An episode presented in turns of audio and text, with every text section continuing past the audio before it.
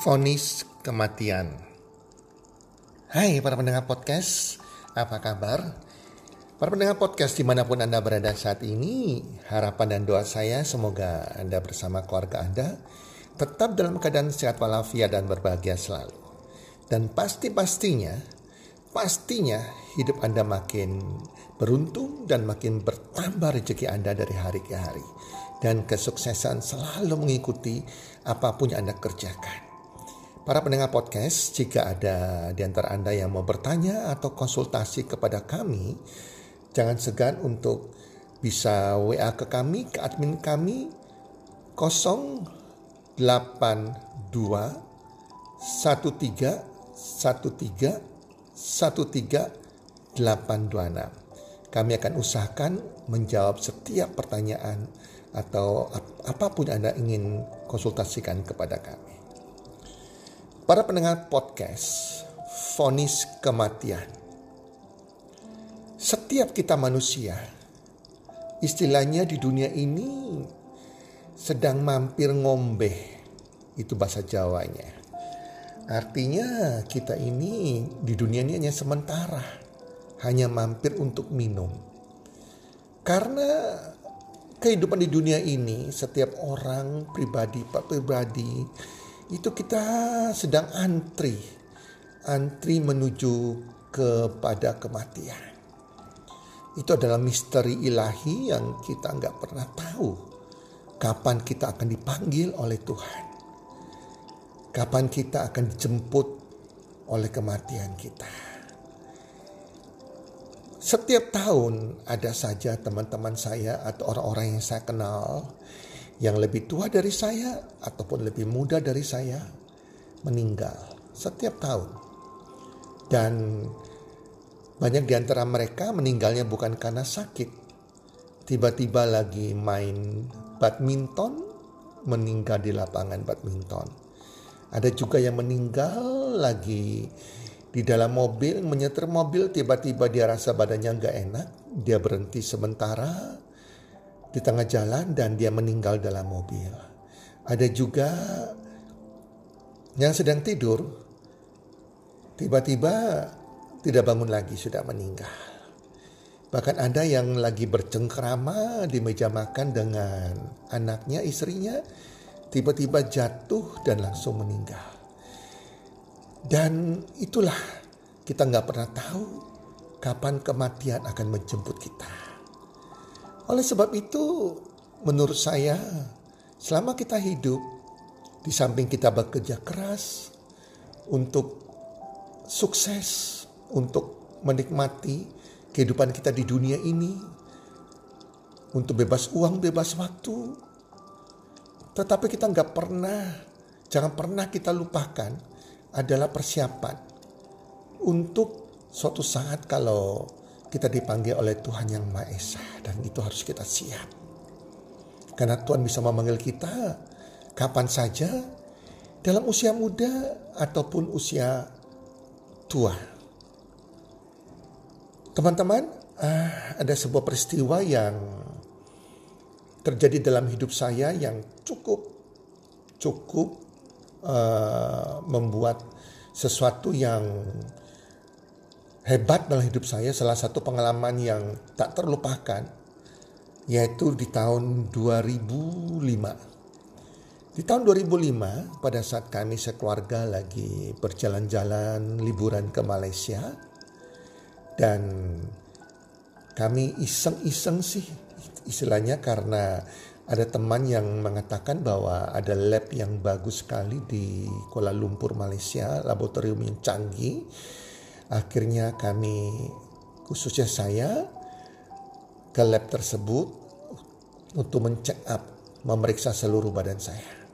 Dari hasil check up itu ketahuan dari foto yang dengan teknologi tercanggih itu ketahuan bahwa ada sejenis tumor atau cancer sebesar 2,3 cm yang bersarang dalam tubuh saya.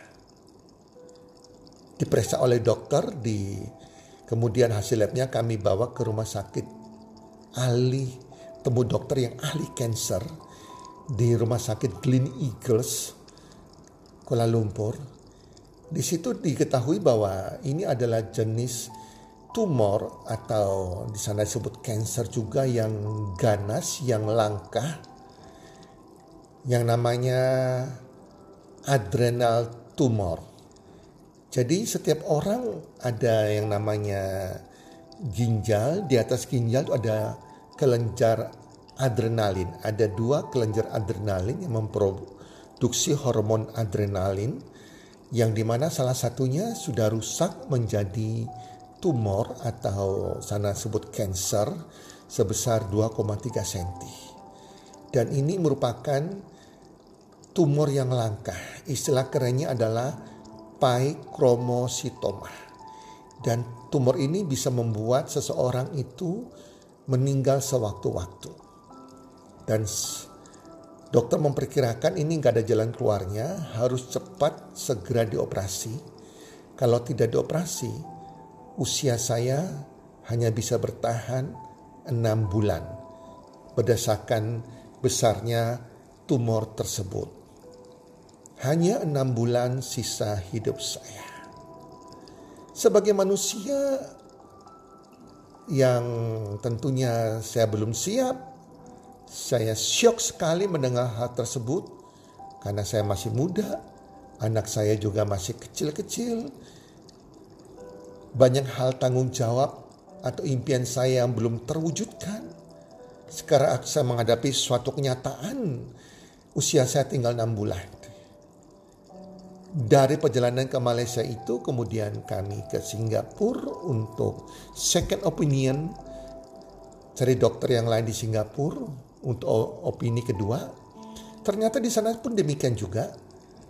Dokter bilang ini langkah satu juta orang satu satu juta orang hanya satu orang lami yang namanya paikromositoma ini tidak ada obatnya harus cepat dioperasi diangkat karena ini bisa membunuh setiap saat setiap saat adalah maut bagi saya karena begitu tekanan darah saya naik sekitar 160 180 terus nadi saya sekitar tinggi juga ya itu maka pembuluh darah saya akan pecah dan bisa-bisa saya langsung meninggal atau saya mengalami stroke.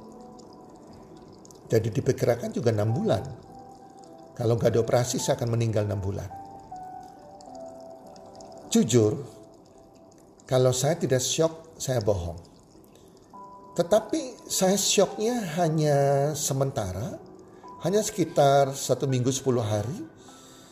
Karena sebagai seorang coach, sebagai seorang pelatih mindset, pikiran sadar, pikiran bawah sadar, sebagai seorang leader yang selalu mengajarkan orang berpikir solusi, itu membuat saya cepat tersadar bahwa saya nggak boleh ke bawah stres karena ini bukan solusinya. Karena setiap masalah harus cari solusinya, harus cari jalan keluarnya, bukan kebawa oleh stres. Kalau saya stres itu bukan jalan keluarnya. Karena begitu saya stres, tubuh kita akan memproduksi yang namanya hormon kortisol. Ini adalah hormon yang jahat yang bisa meningkatkan radikal bebas dalam tubuh kita, yang bisa meningkatkan bekerjanya sel-sel ganas dalam tubuh kita berlipat kali ganda.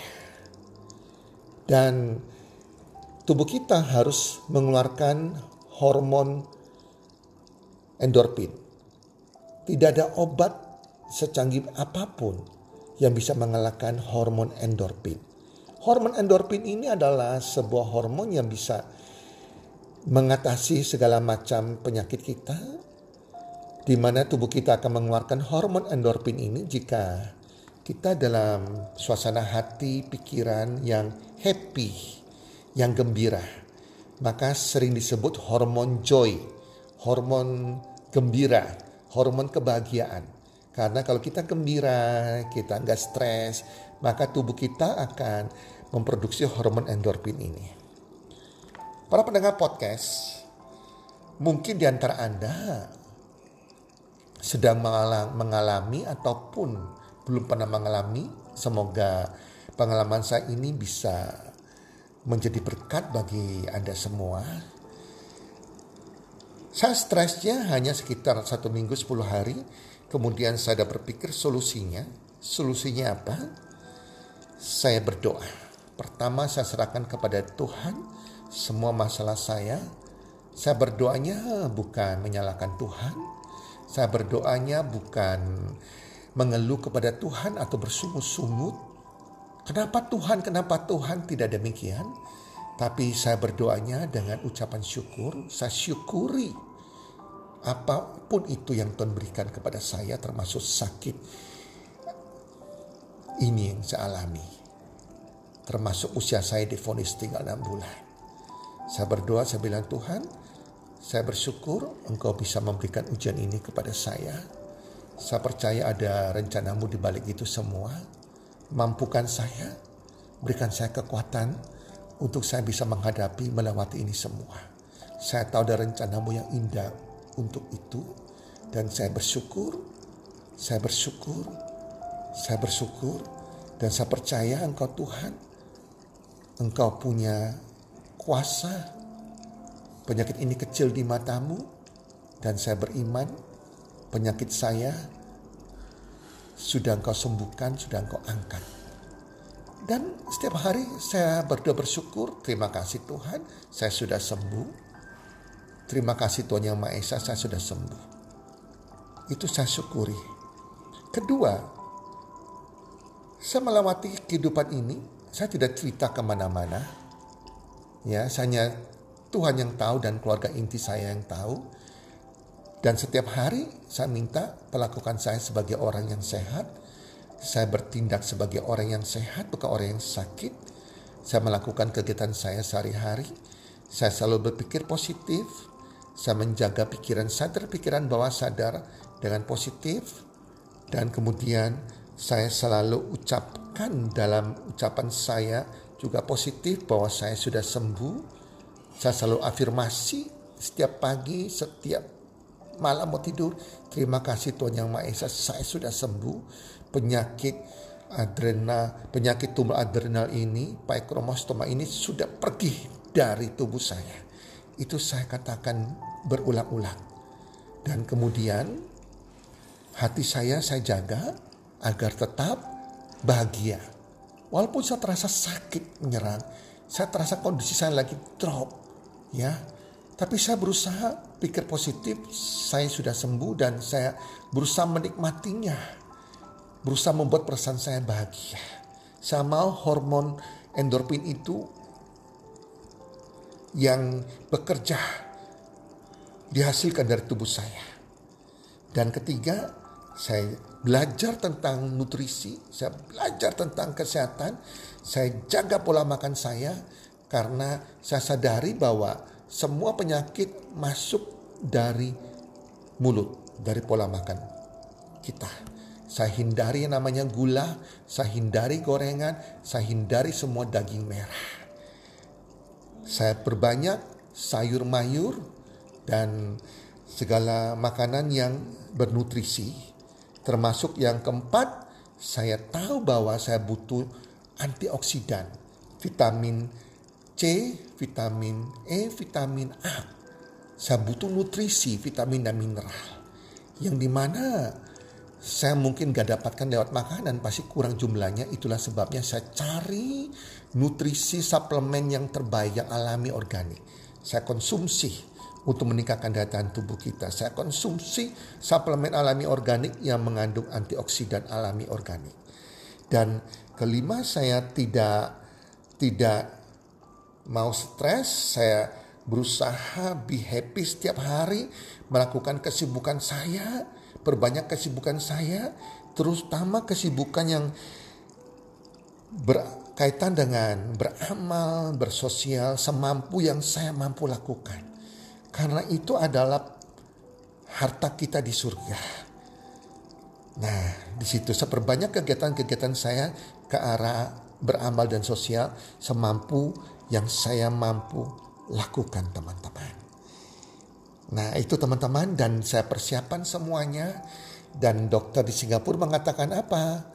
Uh, Tony, you harus bersyukur karena orang lain tidak tahu kapan engkau, kapan mereka akan meninggal, tetapi engkau tahu kapan engkau akan meninggal dan itu adalah nilai positifnya sehingga kita persiapkan diri kita, persiapkan hati kita untuk menyambut kematian kita agar kita bisa masuk ke surga bukan masuk ke neraka.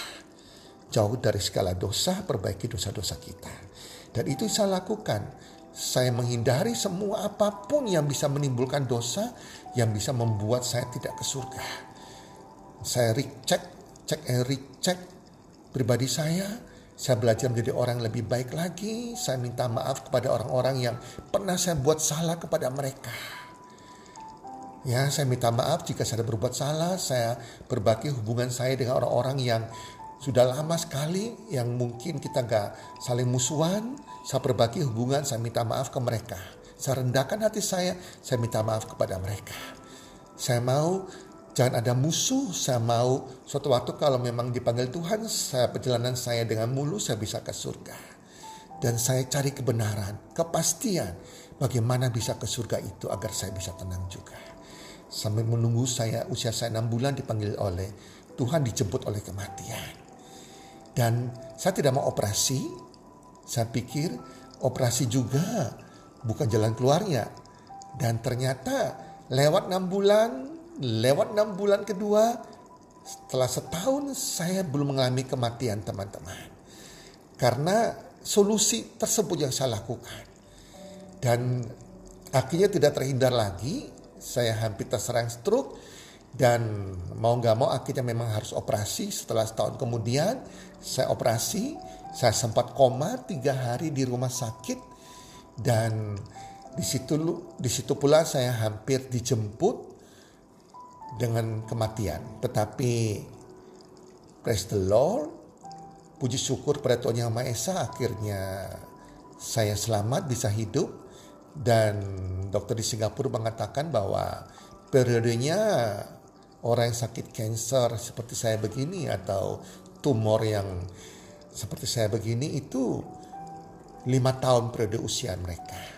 Dua tahun pertama separuh mungkin sudah akan meninggal, sisanya adalah periode kedua tiga tahun setelah dua tahun itu juga boleh katakan sebagian besar meninggal dan akan tersisanya setelah lewat lima tahun mereka akan bertahan hidup selamanya.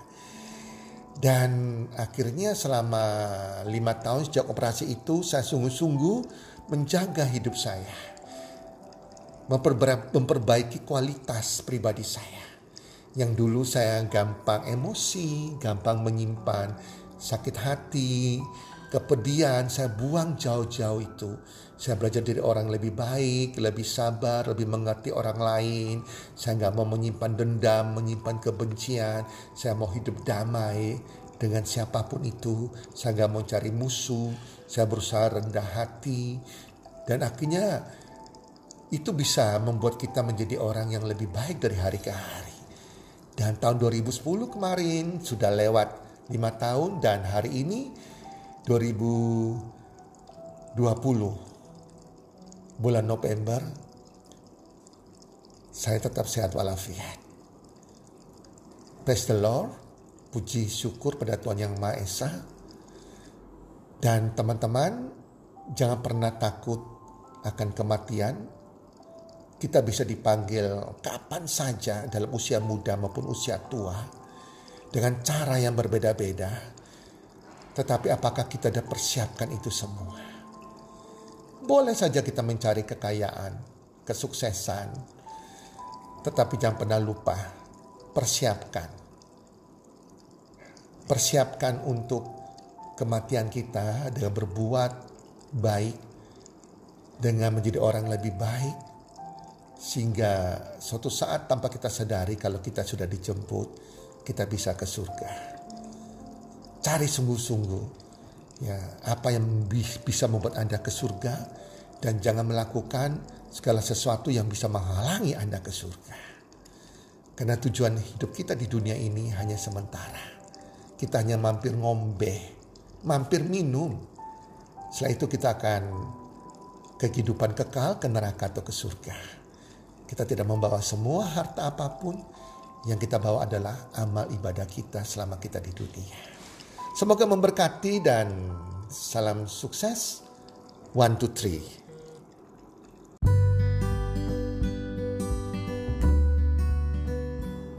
Terima kasih sudah mendengarkan podcast kami. Teman, jika Anda rasa bermanfaat podcast kami ini, Anda bisa menginfokan kepada rekan kerja Anda, keluarga Anda, teman ataupun sahabat Anda. Dan jika ada hal-hal yang Anda ingin tanyakan kepada kami ataupun topik-topik apa yang Anda ingin kami bawakan, kami sampaikan, Anda bisa DM kami di Instagram kami healthcommunity.id. Salam one two three, salam sehat, sejahtera dan bahagia.